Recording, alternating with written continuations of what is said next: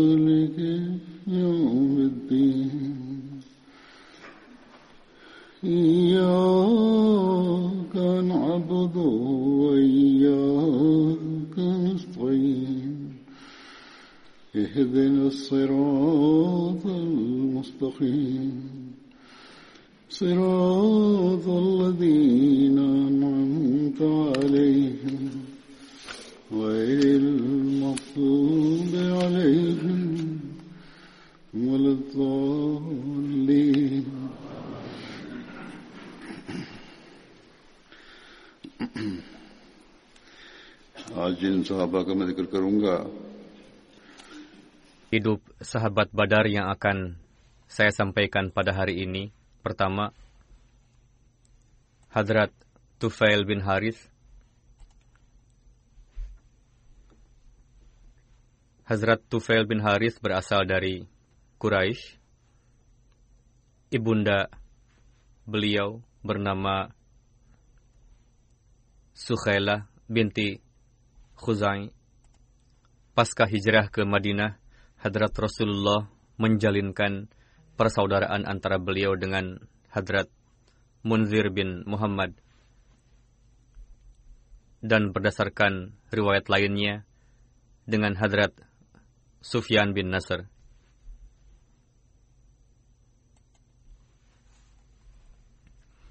Hadrat Tufail bin Haris ikut serta pada perang Badar bersama dengan saudaranya bernama Hadrat Ubaidah dan Hadrat Hussein.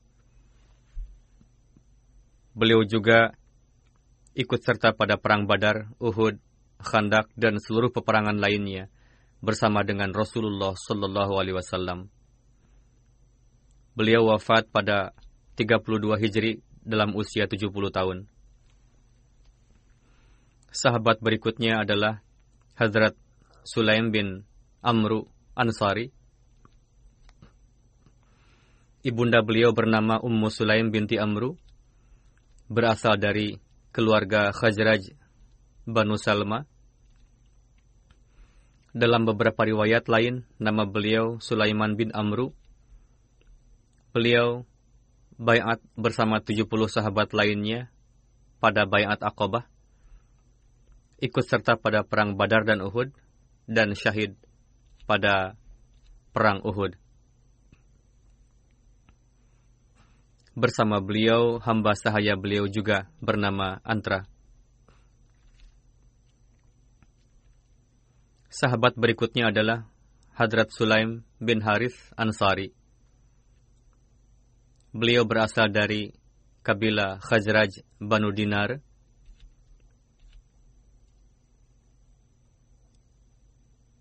mengenai beliau diriwayatkan bahwa beliau dulunya adalah seorang budak belian keluarga Banu Dinar.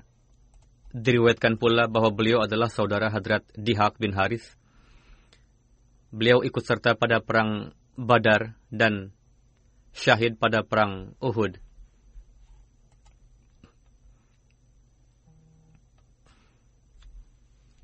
Sahabat berikutnya adalah Hadrat Sulaim bin Milhan Ansari. Ibunda beliau bernama Mulaikah binti Malik. Beliau juga adalah paman dari Hadrat Anas bin Malik dan saudara dari Hadrat Ummu Haram dan Hadrat Ummi Sulaim. Hadrat Ummi Haram adalah istri dari Hadrat Ubadah bin Samit, sedangkan Hadrat Ummi Sulaim adalah istri dari Hadrat Abu Talha Ansari. Putra beliau adalah Hadrat Anas bin Malik, khadim Rasulullah Sallallahu Alaihi Wasallam.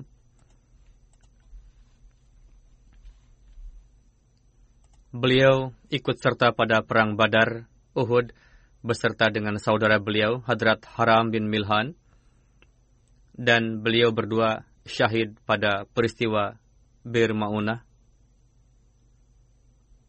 Pada bulan ke-36 pasca hijrah Rasul, yakni bulan Safar, telah terjadi pertempuran Hadrat Munzir bin Amru As-Sa'idi di Birmauna.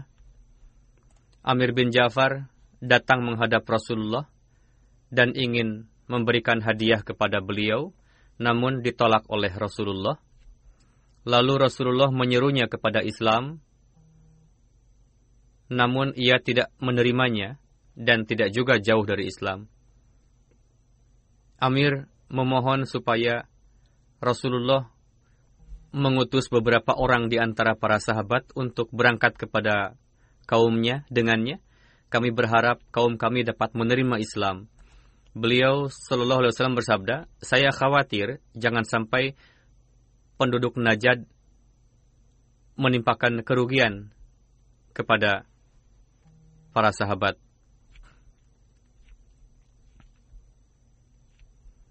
Ia berkata, jika ada yang demikian,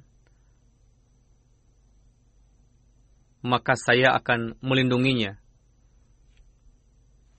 Lalu Rasulullah mengutus 70 pemuda yang merupakan para qari Al-Quran bersama dengannya dan menetapkan Hadrat Munzir bin Amru As-Sa'idi sebagai ketuanya. Sebelum ini pernah diterangkan juga kisah tersebut ketika mereka telah sampai di daerah Birmaunah yang merupakan sumur Bani Sulaim, posisinya di antara tanah Amir dan Bani Sulaim. Mereka berhenti di sana, lalu mengikat unta. Pertama-tama mereka memberikan pesan Rasulullah kepada Hadrat Haram bin Milhan, lalu mengirimnya kepada Amir bin Tufail. Ia tanpa membaca pesan Rasulullah langsung menyerang Haram bin Milhan dan mensyahidkannya.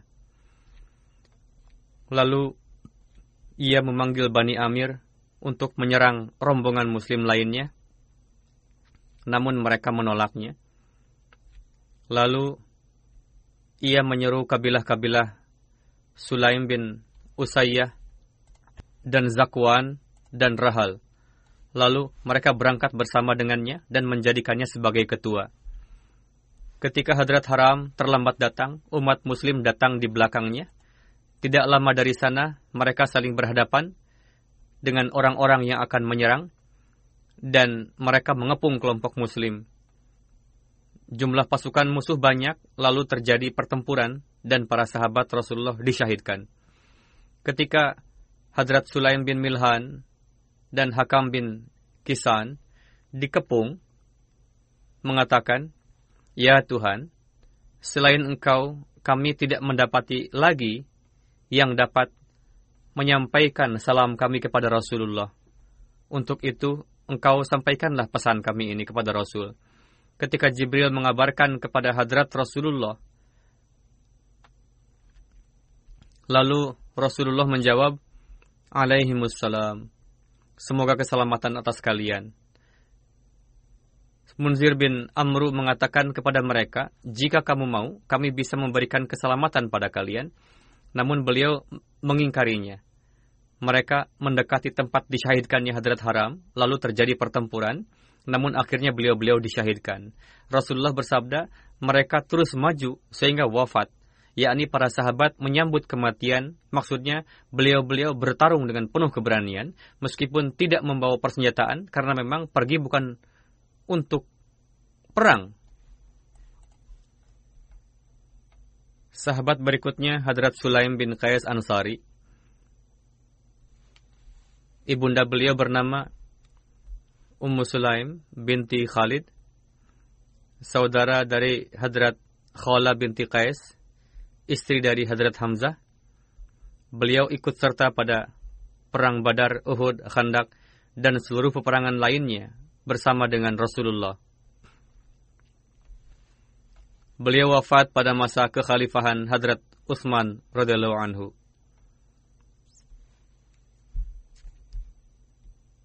Sahabat berikutnya Hadrat Sabit bin Salabah. Beliau bernama Hadrat Sabit bin Salabah. Ibunda beliau bernama Ummu Anas binti Sa'ad. Berasal dari kabilah Banu Azra. Ayah beliau dijuluki dengan Al-Jaza karena keberanian dan kekuatan tekad beliau.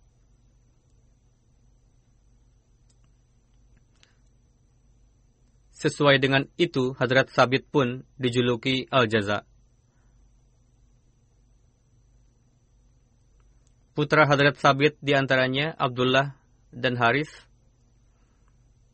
Ibunya adalah Umamah binti Utsman Hadrat Sabit ikut serta dalam bayat Aqabah kedua bersama dengan 70 sahabat Ansar. Beliau ikut serta dalam perang Badar, Uhud, Khandak, Sulah Hudaybiyah, Khaybar, Patah Mekah, dan perang Taif. Beliau syahid pada kesempatan perang Taif.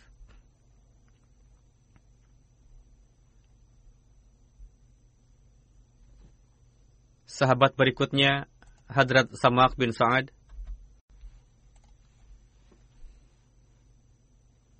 ayahanda beliau Sa'ad bin Salabah, yakni ayah dari Hadrat Nu'man bin Bashir, dan saudara dari Hadrat Bashir bin Sa'ad. Beliau ikut serta dalam perang Badar bersama dengan saudaranya. Begitu juga dalam perang Uhud. Beliau berasal dari kabilah Khazraj. Sahabat berikutnya Jabir bin Abdullah bin Riyab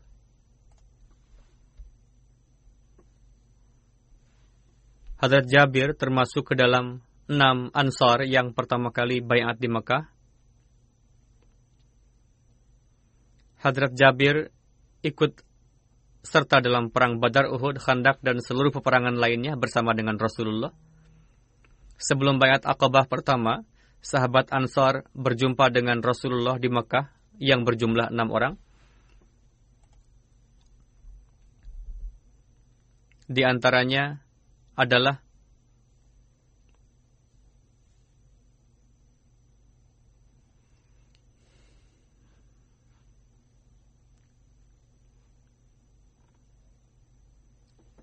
As'ad bin Zurarah, Auf bin Harith, Rafi bin Malik, bin Ajlan, Qutbah bin Amir bin Hadidah, Uqbah bin Amir bin Nabi, dan Jabir bin Abdullah bin Riyab. Semua orang ini bayat masuk Islam. Ketika mereka sampai di Madinah, mereka menyampaikan berkenaan dengan Rasulullah kepada orang Madinah.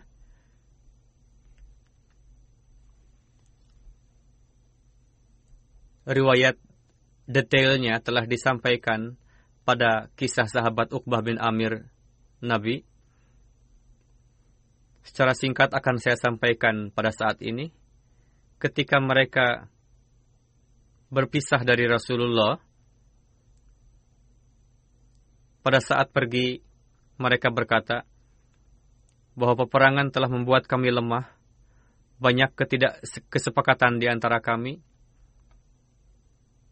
Kami akan berangkat ke Yathrib untuk bertablik kepada saudara kami dan tidaklah mustahil bahwa dengan perantaraan pesan Rasul dan tablik Islam Allah Ta'ala dapat mempersatukan kami lagi.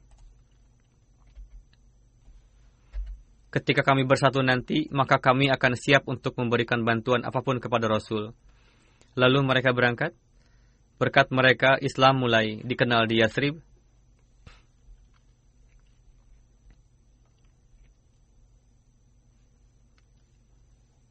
Dari sisi keadaan zahir di Mekah pada tahun tersebut, dari para penduduk Yasrib, Hadrat Rasulullah melewatinya sedemikian rupa di mana terdapat kekhawatiran dan juga harapan, yakni bagaimana buah yang akan dihasilkan oleh keenam mubayin baru yang berangkat itu, apakah di Yasrib mereka membawa kesuksesan atau harapan, ataukah tidak?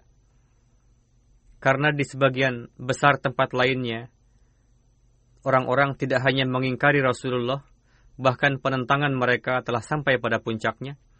Para penguasa Mekah dan Taif telah menolak misi Rasulullah dengan keras.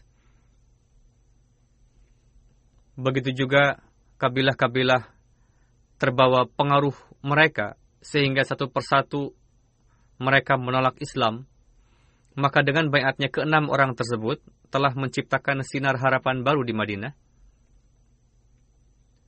Namun itu pun belum sepenuhnya tenang, siapa yang dapat mengatakan bahwa keenam orang yang beriman yang memberikan secerca harapan itu akan dapat menghadapi musibah dan kesulitan jika musuh berdiri untuk menentang mereka. Walhasil, keenam orang itu berangkat untuk bertablik, namun pada masa itu permusuhan dan penentangan dari penduduk Mekah semakin meningkat. Dan mereka benar-benar yakin bahwa saat itu merupakan kesempatan emas bagi mereka untuk menghapuskan Islam. Karena jika Islam mulai keluar dari Mekah, maka akan sulit untuk menghapuskannya. Untuk itu, penduduk Mekah melakukan penentangan sampai pada puncaknya di Mekah. Namun, meskipun demikian, hadrat Rasulullah dan para sahabat yang mukhlis yang telah bayat tetap teguh dalam keyakinan layaknya tembok batu. Tidak ada hal yang dapat menggoyahkan mereka dari ajaran Islam, dari Islam, dan dari Tauhid. Walhasil, saat itu merupakan masa yang rentan bagi Islam,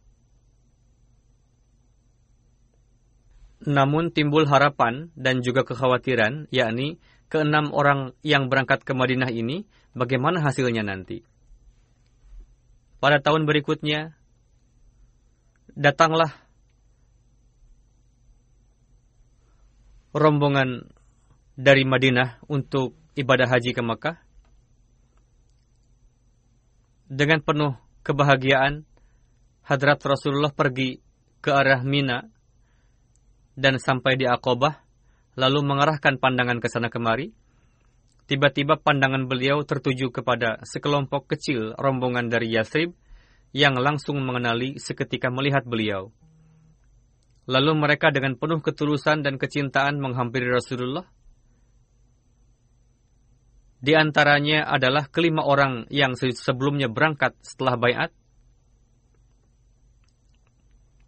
Sedangkan tujuh sisanya adalah baru. Mereka adalah dari kabilah Aus dan Khajraj. Rasulullah menghindari orang-orang, lalu membawa mereka ke suatu lembah. Lalu kedua belas orang itu memberikan informasi kepada Rasul perihal kondisi di Yathrib.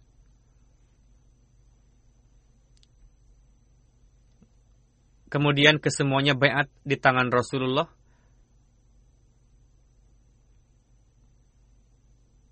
Dan bayat ini merupakan batu pondasi bagi berdirinya Islam di Yathrib.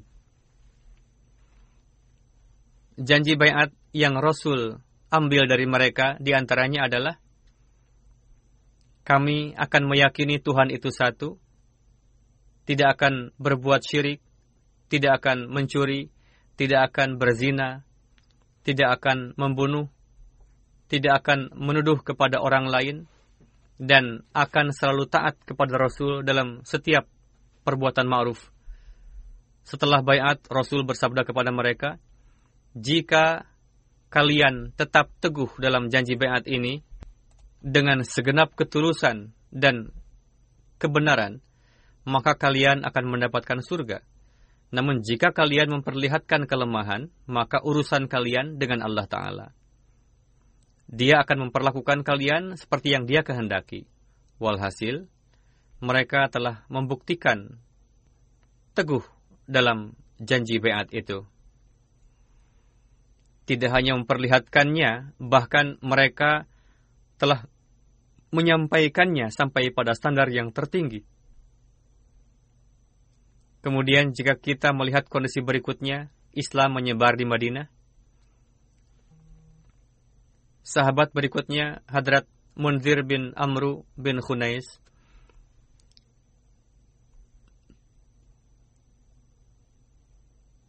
Beliau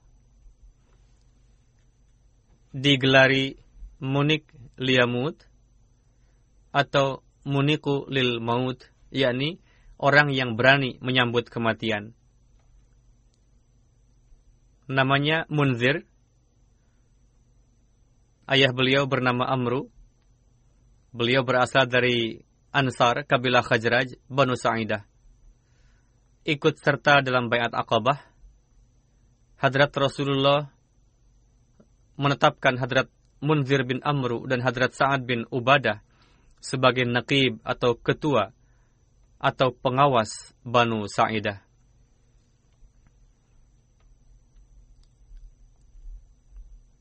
Pada zaman jahiliyah pun beliau dapat menulis dan membaca. Pasca hijrah Madinah, Hadrat Rasulullah menjalinkan persaudaraan antara beliau dengan Hadrat Tulay bin Umair. Beliau ikut serta dalam perang Badar dan Uhud.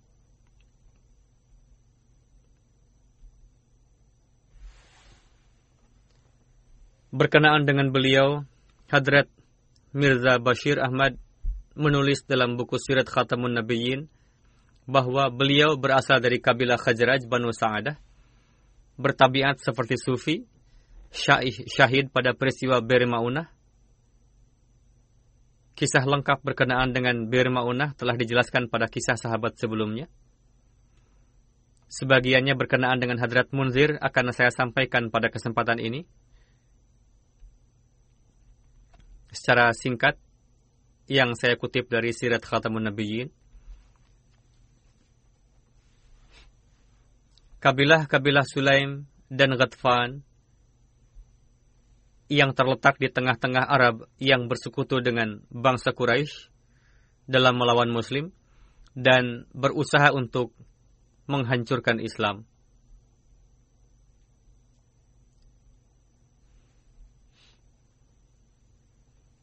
Secara perlahan-lahan kejahatan kabilah-kabilah yang jahat itu semakin meningkat dan berhasil menularkan racun permusuhan kepada orang-orang Arab untuk menentang Islam. Sebagaimana pada masa itu seseorang bernama Abu Bara Amir, seorang tokoh kabilah Arab, Banu Amir datang menemui Rasulullah dan telah diterangkan sebelumnya. Lalu Rasul menyampaikan tablik Islam dengan penuh kelembutan, meskipun pada zahirnya ia mendengarkan penyampaian tablik dengan serius, namun tidak bayat. Lalu ia memohon kepada Rasul untuk mengutus beberapa sahabat bersamanya ke Najad untuk bertablik ke daerah Najad dan mengatakan juga mudah-mudahan penduduk Najad tidak menolak Islam. Namun Rasulullah bersabda, saya tidak percaya dengan penduduk Najad. Abu Bara berkata, Tuan tidak perlu khawatir, saya yang akan menjamin keselamatannya. Karena Abu Bara adalah seorang pemuka kabilah dan orang berpengaruh, Rasul meyakini ucapannya. Lalu Rasul mengutus sekelompok sahabat ke daerahnya Najad. Hadrat Mia Bashir Ahmad Sahib menulis bahwa ini merupakan riwayat sejarah, namun dalam riwayat Bukhari tertulis bahwa kabilah-kabilah Rahal dan Zakwan dan lain-lain yang merupakan ranting kabilah Banu Salim yang terkenal Beberapa orang dari mereka datang ke hadapan Rasulullah. Mereka menyampaikan mengenai Islam dan menyampaikan permohonan supaya Rasulullah dapat memberikan bantuan untuk menghadapi orang-orang yang memusuhi Islam dari kabilah mereka. Tidak dijelaskan bentuk bantuannya, apakah dalam bentuk pasukan atau katablik. Walhasil, mereka memohon kepada Rasulullah untuk mengirimkan beberapa pria bersama dengan mereka. Lalu Rasul mengirim pasukan dan mengenai ini telah dijelaskan sebelumnya. Hadrat Mirza Bashir Ahmad menulis,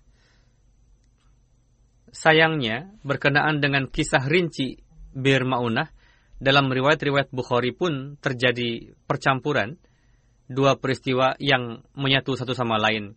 Untuk itu, tidak dapat diketahui dengan jelas dari sejarah atau riwayat Bukhari berkenaan dengan kisah sesungguhnya namun beliau dapat mengambil benang merahnya.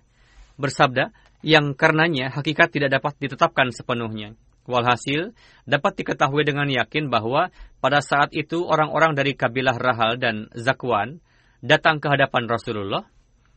Mereka memohon kepada Rasul supaya dikirimkan beberapa sahabat bersama dengan mereka. Benang merah yang bisa diambil dari kedua riwayat tersebut adalah jika dua riwayat berbeda dan kita ingin menyelaraskannya, yakni untuk mengetahui apa kaitan di antara keduanya atau kesesuaian apa yang terdapat dalamnya. Hadrat Mirza Bashir Ahmad bersabda bahwa Abu Bara dan Rais kabilah Amir juga datang bersama orang-orang kabilah Rahal dan Zakwan ia berbicara kepada Rasulullah sebagai perwakilan mereka, sebagaimana berdasarkan riwayat bersejarah, Rasulullah bersabda bahwa saya tidak yakin dengan penduduk Najad, lalu beliau mendapatkan jawaban, Anda tidak perlu khawatir, saya akan menjamin tidak akan ada yang dapat menyakiti sahabat Anda. Perkataan ini mengisyaratkan bahwa orang-orang Rahal dan Zakwan pun datang bersama dengan Abu Bara, yang mana hal itu menyebabkan Rasul khawatir. Walhasil, pada bulan Safar tahun Hijri, Rasulullah mengutus sekelompok sahabat di bawah kepemimpinan Munzir bin Amru Ansari. Pada umumnya mereka dari kalangan Ansar, jumlahnya 70 orang. Lebih kurang kesemuanya adalah para kari, dan pakar Al-Quran. Ketika mereka sampai di tempat yang dikenal dengan Bir Mauna, karena terdapat sumur di sana, di antara mereka yang bernama Haram bin Milhan, paman Anas bin Malik, membawa pesan tablik dari Rasulullah dan menyampaikannya kepada Rais Banu Amir dan keponakan Abu Bara yang bernama Amru bin Tufail sedangkan sahabat lainnya di belakang.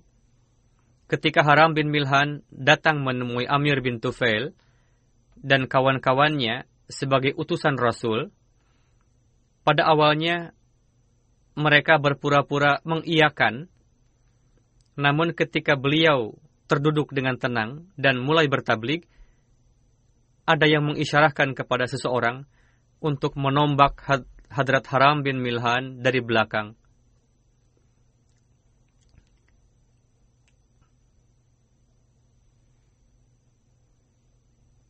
Pada saat disyahidkan, keluar ucapan dari mulut Haram bin Milhan, Allahu Akbar, fuztu warabbil Ka'bah. Allahu Akbar, demi Tuhan, demi Tuhan Ka'bah, aku telah berhasil. Amru bin Tufail belum merasa puas dengan membunuh utusan Rasul. Setelah itu ia memprovokasi kabilahnya, orang-orang Banu Amir, untuk menyerang umat muslim lainnya juga namun kabilah tersebut menolaknya.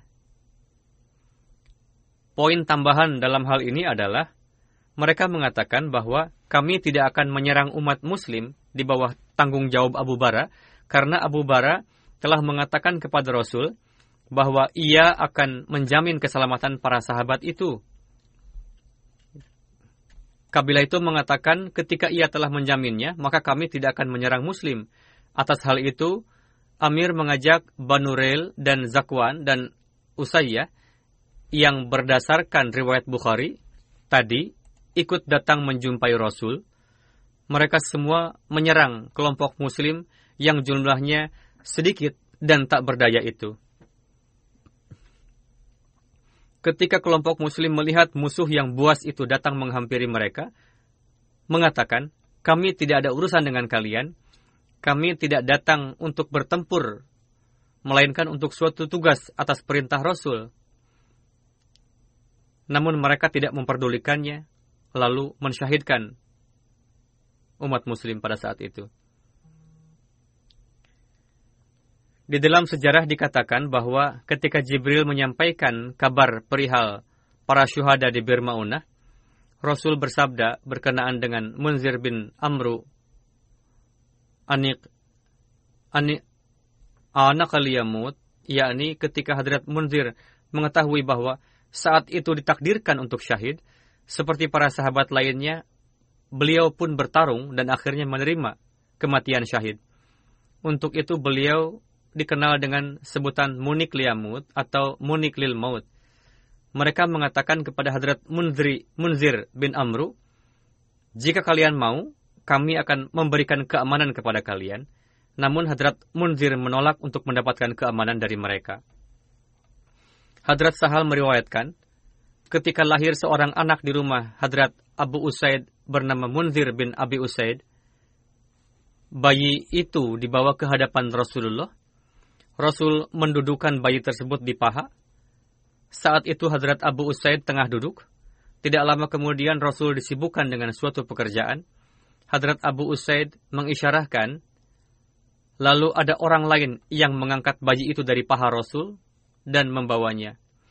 Setelah selesai dari kesibukannya, Rasul bersabda, Ke mana anak tadi? Hadrat Abu Usaid berkata, Wahai Rasul, anak itu dibawa ke rumah.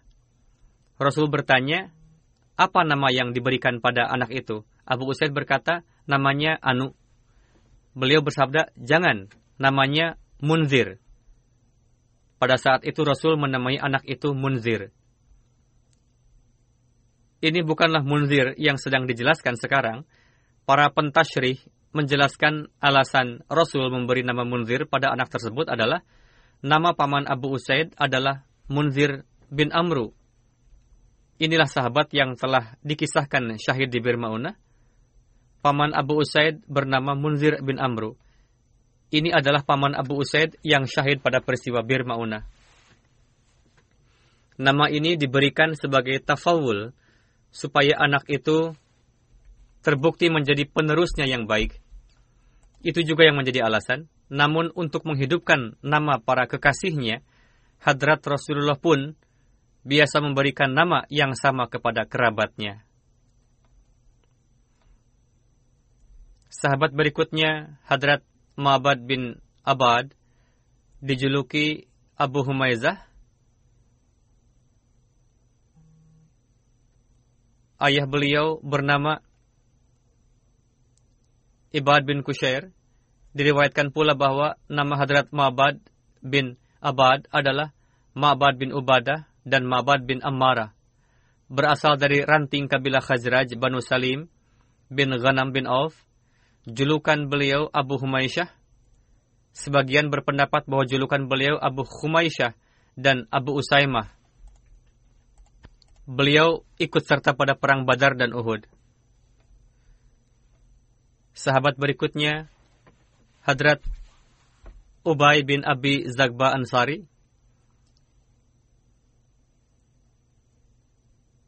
Ayah beliau bernama Sinan bin Sabih. Beliau wafat pada masa kekhalifahan Hadrat Umar. Ayahanda Hadrat Adi bin Abi Zagba bernama Sinan bin Sabih bin Salabah. berasal dari kabilah Jahinah Ansar. Beliau ikut serta pada perang Badar, Uhud, Khandak, dan seluruh peperangan lainnya bersama dengan Rasulullah. Hadrat Rasulullah mengutus beliau bersama dengan Hadrat Bas-Bas bin Amru untuk tujuan mencari informasi pada kesempatan perang Badar berkenaan dengan kafilah Abu Sufyan. Hingga sampai di dekat pantai, Hadrat Bas-Bas bin Amru dan Hadrat Adi bin Abi Zagba mendudukan untanya di Bukit Badar di dekat sebuah kolam air. Lalu beliau mengambil wadah air dan pergi ke kolam untuk mengambil air. Ada seseorang yang tengah berdiri di dekat kolam bernama Majdi bin Amru Jahni. Kedua orang ini mendengar dari dua orang wanita yakni dua wanita itu mengatakan kepada orang lain bahwa besok atau lusa kafilah akan datang. Untuk itu, aku, yakni para wanita itu, akan membantu mereka untuk dapat melunasi hutang dengan upahnya. Apa yang dikatakan oleh dua wanita itu merupakan informasi. Majdi mengatakan, benar apa yang kamu katakan. Lalu ia pergi mendekati dua wanita itu lalu pergi. Hadrat Adi dan Hadrat Basbas mendengar info tersebut mereka berdua pergi untuk mengabarkan kepada Rasul, yakni kami telah mendengar kabar dari dua wanita yang mengatakan bahwa kafilah akan tiba, yang merupakan kabar kafilah kufar. Demikianlah mereka dalam menyampaikan informasi. Pada zahirnya yang berbicara adalah di antara dua wanita itu, namun kepentingannya dapat mereka perkirakan itu merupakan kabar penting, yakni mendengarkan info akan kedatangan kafilah. Hadrat Adi bin Abi Zagba wafat pada masa kekhalifahan Hadrat Umar. Sahabat berikutnya Hadrat Rabi bin Ayas berasal dari ranting Banu Lozan kabilah Khajraj Ansar ikut serta pada perang Badar bersama dengan saudaranya Rokah bin Ayas dan Amru bin Ayas. Beliau juga ikut pada perang Uhud Sahabat berikutnya Hadrat Umair bin Amir Ansari dijuluki dengan Abu Daud. Ayahnya Amir bin Malik. Ibunda beliau bernama Nailah binti Abi Asim.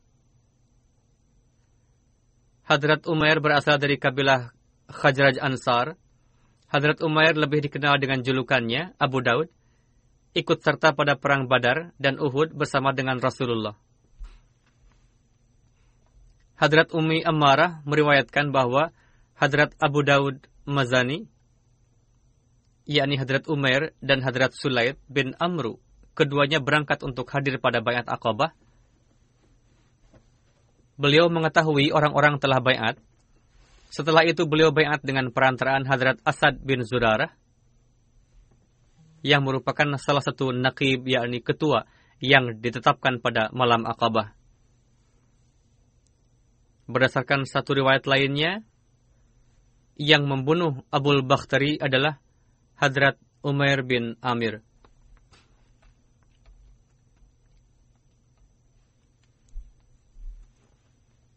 Sahabat berikutnya, Hadrat Sa'ad Hatib bin Abi Baldiah berasal dari kabilah Banu Kalab. Hadrat Sa'ad bin Khala adalah hamba sahaya yang dimerdekakan oleh Hadrat Hatib bin Baltiah. Hadrat Sa'ad bin Khali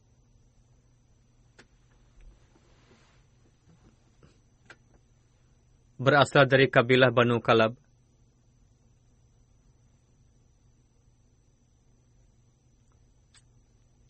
Namun menurut Abu Ma'syar berasal dari kabilah Banu Mudzahij, sebagian berpendapat bahwa beliau dari Faris. Hadrat Sa'ad bin Khali datang kepada Hadrat Hatib bin Abi Balta sebagai hamba sahaya. Hadrat Hatib bin Abi Balta memperlakukan beliau dengan penuh kasih sayang Hadrat Sa'ad ikut serta dalam Perang Badar dan Perang Uhud bersama dengan Hadrat Hatib bin Abi Balta dan beliau syahid pada Perang Uhud. Hadrat Umar menetapkan tunjangan bagi putra Hadrat Sa'ad Abdullah bin Sa'ad. Sahabat berikutnya, Hadrat Abu Sinan bin Muhsan. Ayah beliau Muhsan bin Harasan, dijuluki Abu Sinan. Nama beliau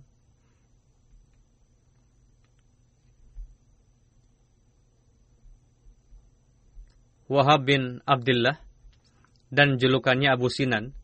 Diriwayatkan juga nama beliau Abdullah bin Wahab. Berdasarkan keterangan yang sangat sahih dalam sejarah, nama beliau bernama Wahab bin Muhsan. Hadrat Abu Sinan bin Muhsan adalah saudara dari Hadrat Ukashah bin Muhsan. Beliau lebih tua dari Hadrat Ukashah bin Muhsan. Berkenaan dengan itu terdapat riwayat bahwa beliau lebih tua sekitar dua tahun dari Hadrat Ukasyah dan terdapat beragam riwayat juga. Sebagian berpendapat 10 tahun, sebagiannya lagi 20 tahun. Putra beliau bernama Sinan bin Abi Sinan. Beliau ikut serta pada perang Badar, Uhud, dan Khandak.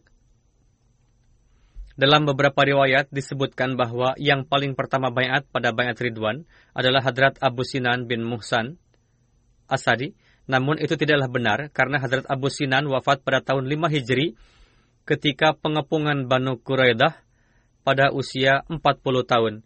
Yang bayat pada kesempatan bayat Ridwan adalah putra beliau Hadrat Sinan bin Abi Sinan. Hadrat Abi Sinan bin Muhsan wafat ketika Rasul mengepung Banu Quraidah. Rasulullah menguburkan beliau di kuburan Quraidah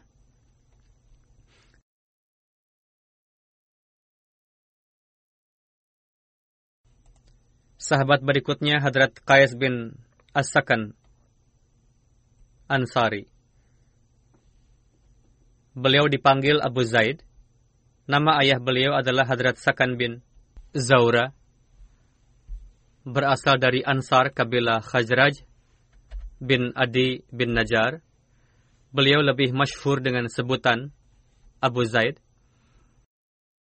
Beliau ikut serta dalam perang Badar, Uhud, Khandak dan peperangan lainnya bersama dengan Rasulullah Sallallahu Alaihi Wasallam. Beliau termasuk ke dalam golongan sahabat yang mengumpulkan Al-Quran pada zaman Rasulullah.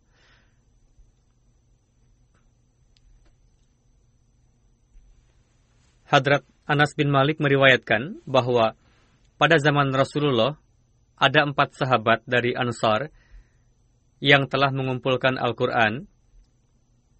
Di antaranya Zaid bin Sabit, Muaz bin Jabal, Ubay bin Ka'ab, dan Abu Zaid, yakni Qais bin Sakan. Berkenaan dengan Abu Zaid, Hadrat Anas meriwayatkan bahwa ini adalah paman saya. Pada tahun 8 Hijri, Hadrat Rasulullah SAW telah memberikan surat dan mengutus Abu Zaid Ansari dan Hadrat Amru bin As-Sahmi kepada dua anak hamba sahaya bernama Ubaid dan Ja'far. Di dalam surat itu terdapat seruan kepada Islam dan bersabda kepada kedua sahabat tersebut, jika kedua orang itu memberikan kesaksian atas kebenaran dan taat kepada Allah dan Rasulnya, maka Amru akan menjadi amirnya, sedangkan Abu Zaid akan menjadi imam salat. Yakni kondisi rohaninya lebih baik dalam pandangan Rasulullah atau ilmu Al-Qur'annya lebih tinggi.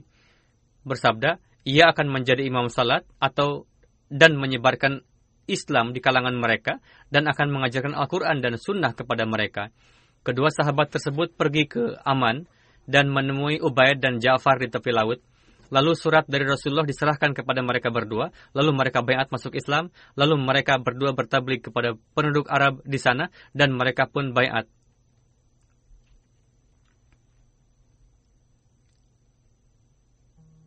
Huzur bersabda dari riwayat ini bahwa Islam menyebar berkat tablik bukan dengan peperangan, pembunuhan, dan pedang.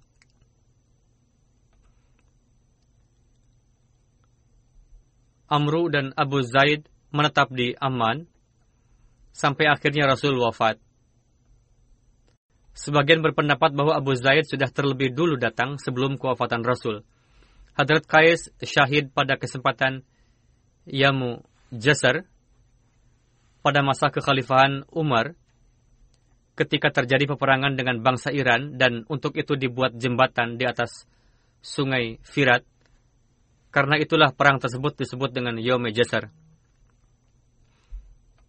Sahabat berikutnya, Hadrat Abul Yasar Ka'ab bin Amru. Dikenal dengan Abul Yasar, berasal dari kabilah Banu Salma. Ayah beliau bernama Amru bin Ubad.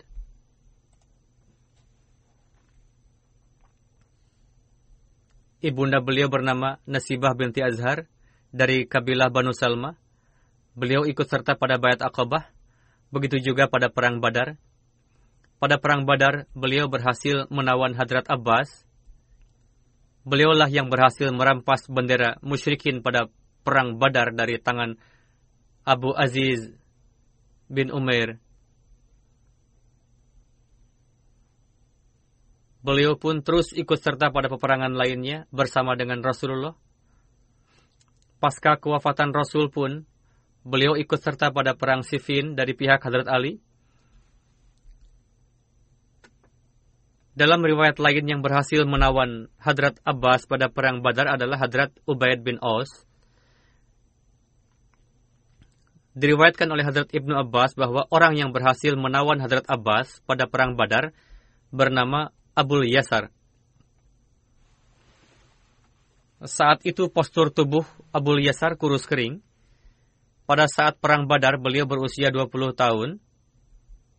Padahal Hadrat Abbas berpostur tubuh besar.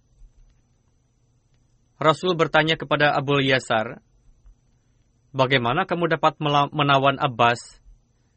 Karena kamu kurus, sedangkan dia tinggi besar. Beliau menjawab, Wahai Rasul, ada seseorang yang membantuku saat itu, yang mana belum pernah saya melihat orang itu sebelumnya, tidak juga sesudah itu. Lalu beliau menggambarkan wajah orang tersebut. Lalu Rasul bersabda, Laqad a'anaka alaihi malakun karim. Sesungguhnya yang menolongmu itu adalah malaikat. Hadrat Ibnu Abbas meriwayatkan, pada saat perang Badar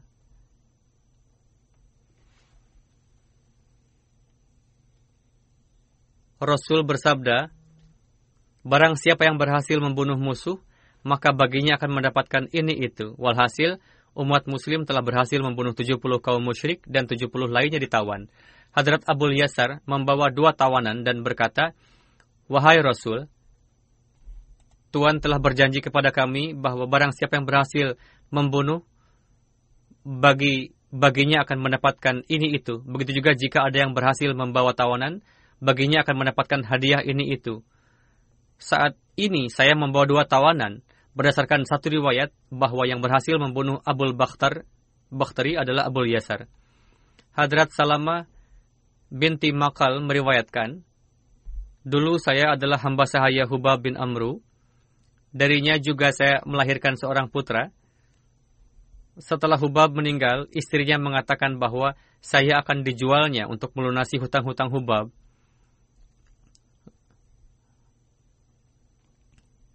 Lalu saya menghadap Rasulullah dan menjelaskan segalanya. Rasul bertanya kepada orang-orang, siapa yang bertanggung jawab atas harta peninggalan Hubab bin Amru? Dijawab bahwa yang bertanggung jawab adalah saudaranya, yakni Abu Yasar. Lalu Rasul memanggilnya dan bersabda, Jangan engkau jual budak ini, bahkan merdekakanlah. Dan jika kamu mendapatkan kabar bahwa saya mendapatkan budak belian, maka datanglah, nanti aku berikan budak itu sebagai gantinya.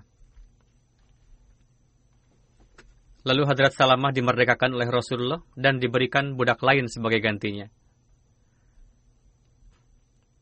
Hadrat Mirza Bashir Ahmad dalam buku Sirat Khatamun Nabiyyin menjelaskan satu peristiwa bahwa Ubadah bin Walid meriwayatkan suatu ketika kami berjumpa dengan sahabat Rasul bernama Abu Yasar. Saat itu beliau tengah bersama budak belian. Kami melihat mereka berdua mengenakan cadar dari dan Yamani, saya katakan padanya, Paman, kenapa engkau tidak mengenakan cadar yang dikenakan oleh budak belian ini dan menukarnya dengan yang engkau pakai? Supaya Anda berdua mengenakan seragam yang sama.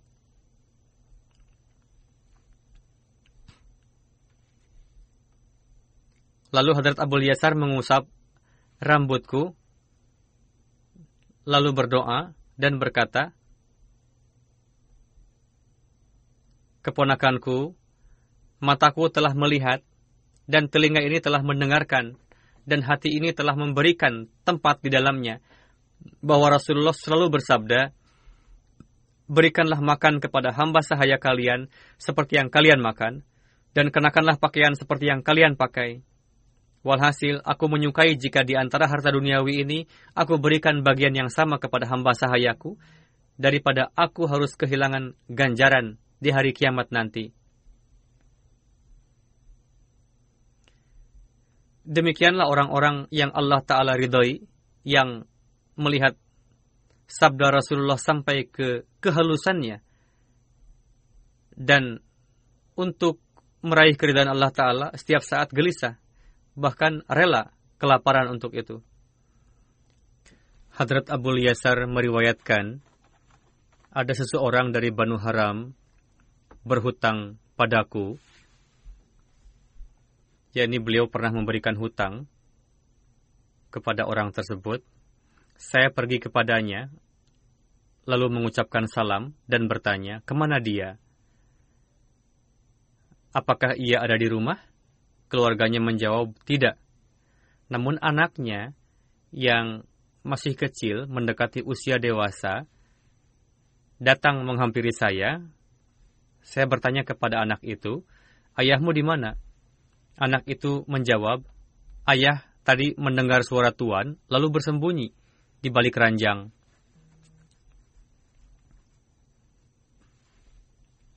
Saya katakan kepada ayahnya, Kemarilah, karena aku sudah tahu di mana kamu. Abu Yasar mengatakan,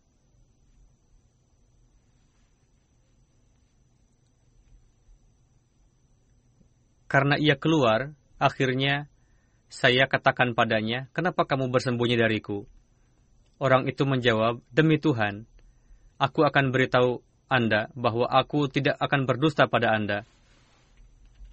Demi Tuhan, aku takut jika aku beritahu Anda, aku berdusta pada Anda, lalu berjanji lagi pada Anda, lalu mengingkari janji lagi. Lalu aku datang dan berdusta lagi dengan mengatakan, nanti aku bayar tanggal ini, hari ini, padahal aku tidak dapat memenuhi janji itu. Lalu ia berkata, Anda adalah sahabat Rasulullah, dan demi Tuhan, aku adalah orang yang membutuhkan. Abu Yasar berkata, Kamu bersumpah demi Tuhan? Ia menjawab, Ya, demi Tuhan. Saya katakan lagi, demi Tuhan. Lalu saya bertanya, kamu mengatakan demi Tuhan bahwa kamu orang yang membutuhkan? Ia katakan, ya demi Tuhan. Saya katakan lagi, untuk yang ketiga kali, demi Tuhan? Ia menjawab, ya demi Tuhan. Hadrat Abu Yasar berkata pada saat itu, Bawalah catatan hutang Lalu Abu Yasar menghapusnya dengan tangan beliau sendiri. Itu merupakan surat berisi janji untuk melunasi hutang dan berkata, jika kamu mendapatkan taufik untuk melunasi, bayarlah. Jika tidak, kamu saya bebaskan dari hutang. Beliau berkata, aku memberi kesaksian, penglihatan kedua mataku ini sambil meletakkan jari pada kedua mata, dan pendengaran dua telingaku ini dan hatiku mengingat bahwa sambil mengisyaratkan ke dada beliau, aku bersumpah bahwa aku melihat Rasulullah pernah bersabda,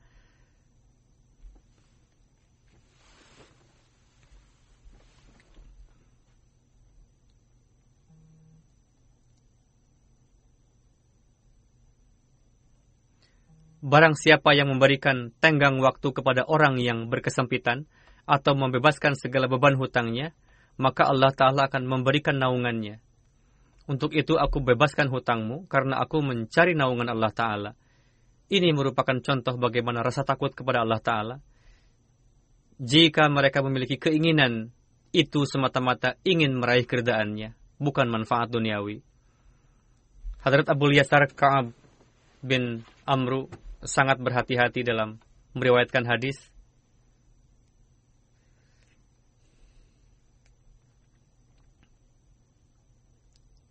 Suatu ketika beliau meriwayatkan dua hadis dari Ubadah bin Walid sambil meletakkan jari di mata dan telinga. Beliau mengatakan, mata ini telah menyaksikan kejadian tersebut dan telinga ini telah mendengar Rasulullah bersabda.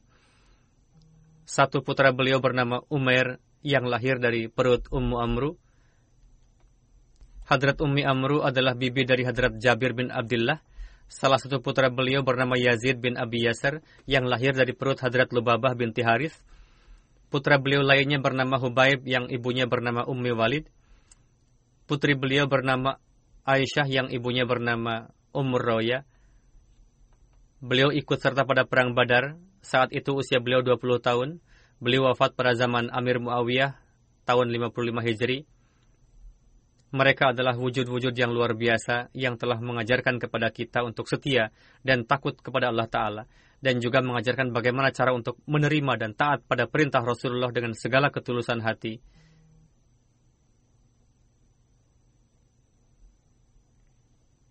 Semoga Allah telah meninggikan derajat mereka semuanya. Amin.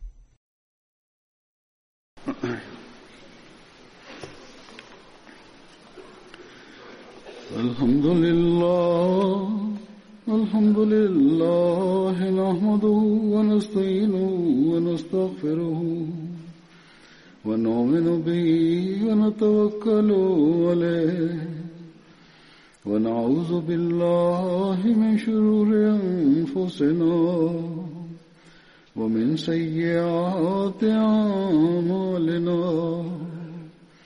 من يهده الله فلا مضل له ومن يضلل فلا هادي له.